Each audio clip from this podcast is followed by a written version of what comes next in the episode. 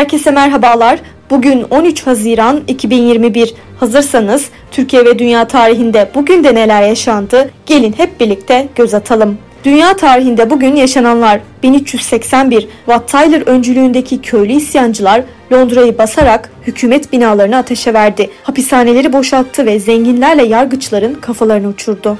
1934 Adolf Hitler'le Mussolini İtalya'nın Venedik kentinde bir araya geldiler. Daha sonra bu buluşmadaki izlenimlerini anlatırken Mussolini Hitler'den aptal küçük maymun diye bahsedecektir. Türkiye tarihinde bugün yaşananlar 1550 Mimar Sinan'ın eseri Süleymaniye Camii'nin temeli atıldı. 1966 Ankara'da ilk kapalı devre televizyon yayını için hazırlıklara başlandı.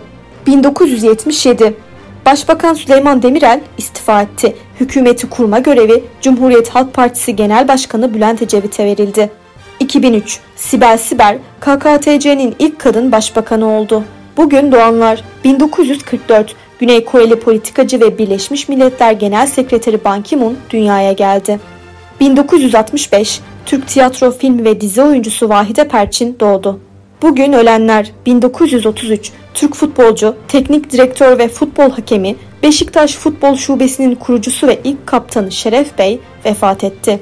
1987 Türk yazar ve çevirmen Cemil Meriç hayatını kaybetti. Bugünkü bültenimizi de burada sonlandırıyoruz. Programımızda tarihte gerçekleşen önemli olayları ele aldık. Yarın da tarihte neler olduğunu merak ediyorsanız bizi dinlemeyi unutmayın. Yarın görüşmek üzere.